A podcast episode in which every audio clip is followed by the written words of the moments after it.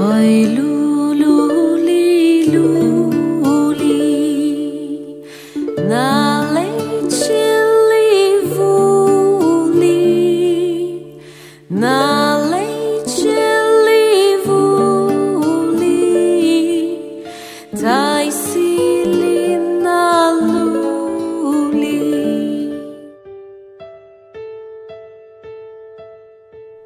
بلغني أيها الملك السعيد ذو الرأي الرشيد.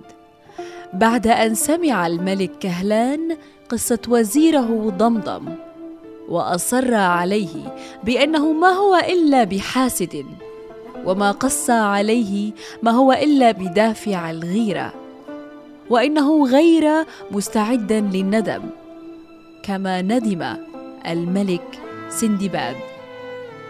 فسرد القصة كالتالي. اسمع يا ضمضم. إنه الملك سندباد أشهر ملوك الهند. جاب البحر والبلاد واشتهر بحبه للصيد والقنص. لديه صقرا. رباه وهو صغير وأحبه ودربه على القنص. كان هذا الصقر لا يفارق السندباد ليلا ولا نهارا. يبيت ساهرا طوال الليل لحماية السندباد. وبعد يوم طويل في إحدى رحلات القنص شعر السندباد بالعطش وقد نفذ ما عنده من ماء. وجد شجرة تحتها ماء نظيف وصالحا للشرب. أخذ وعاء وأخذ يحاول أن يملأه بالماء. وكلما فعل هذا يقوم الصقر بضرب الوعاء بجناحه. فينسكب الماء. وكرر هذه الفعلة أكثر من مرة ومرة حتى فرغ الماء. غضب السندباد من الصقر وقال له اللعنة عليك أيها الطائر. لا جعلتني أشرب ولا سقيت الفرس ولا حتى أنت ارتويت.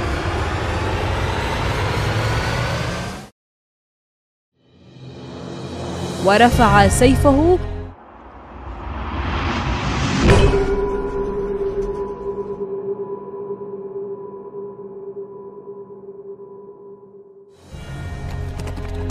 وضرب رأس الصقر ومات. وما إن التفت السندباد حتى وجد بالقرب من الماء حية كبيرة سامة وكان سمها يسيل على الماء. لقد كان الماء مسموما. حزن السندباد حزنا شديدا يا ضمضم. لأنه علم عندها إن طائره الوفي كان فقط يريد أن يمنعه من هذا الماء خوفا وحرصا عليه. الصقر الصديق الملاك كان يحمي السندباد من الهلاك. ولكنه ندم ندما شديدا حيث لا ينفعه الندم.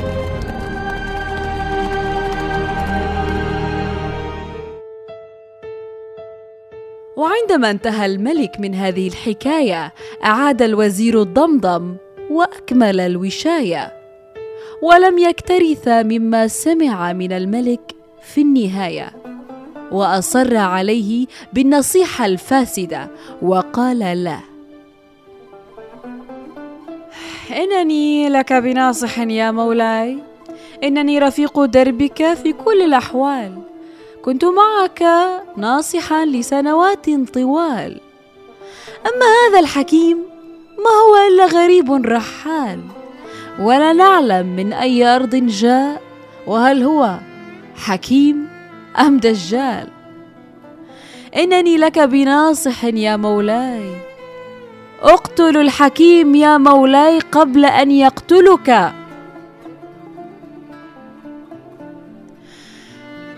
أخذ الملك نفسا عميقا وتغيرت تعابير وجهه وأخذ القرار. قتل الحكيم لقمان. وبالفعل نادى السياف وأمر بالحكيم أن يأتي أمامه بالحال وقال له أيها الحكيم إنني قاتلك اليوم. ارتعد الحكيم وصرخ وقال ماذا تقول يا مولاي؟ ولماذا؟ وكيف هذا؟ وهل هذا جزاء؟ من داواك وأزال عنك العلة وشفاك؟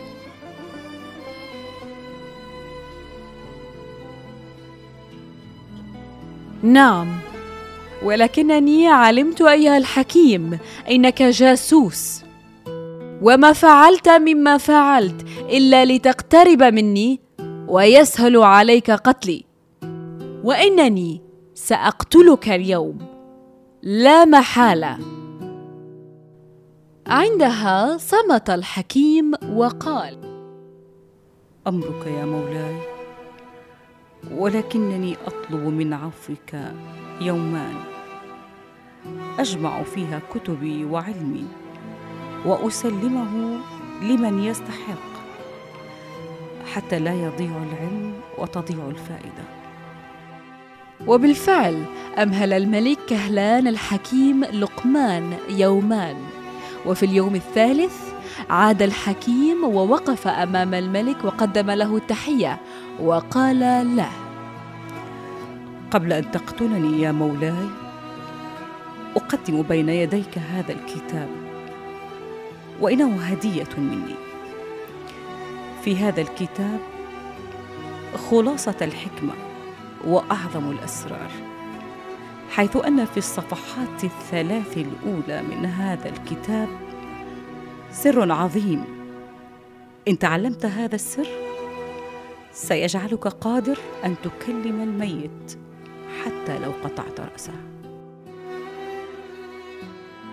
تعجب الملك كهلان مما سمع وأخذ الكتاب بقوة وأخذ يفتح الصفحات. الصفحة تلو الصفحة. ويبلل بريقه إصبعه حتى يتمكن من قلب الصفحات. وفجأة وقع الملك ومات. نعم. لقد كانت الصفحات مبللة بسم قوي. في كل مرة كان الملك يبلل إصبعه كان يبلله بالسم ويعيده مرة أخرى إليه. سرى هذا السم القوي في جسد الملك وأوقعه ميتا. عندها وقف الحكيم أمام الملك الميت وقال لو أبقيتني حيا لأبقاك الله ولكنك عزمت على قتلي ظلما فقتلك الله. عندها خرج الحكيم لقمان من المكان ولم يحاسب من أي كان لأن قتل الملك كانت هي الغاية وليست العبرة من أي حكاية. ابتعد الحكيم لقمان ولم يعد يسمع عنه في أي زمان. وفي الغد ليلة زيادة من شهريار نكمل الحكاية وما فيها من الأسرار. يلي مفكر نفسك فوق البشر والناس قادر ويكسر نفسك.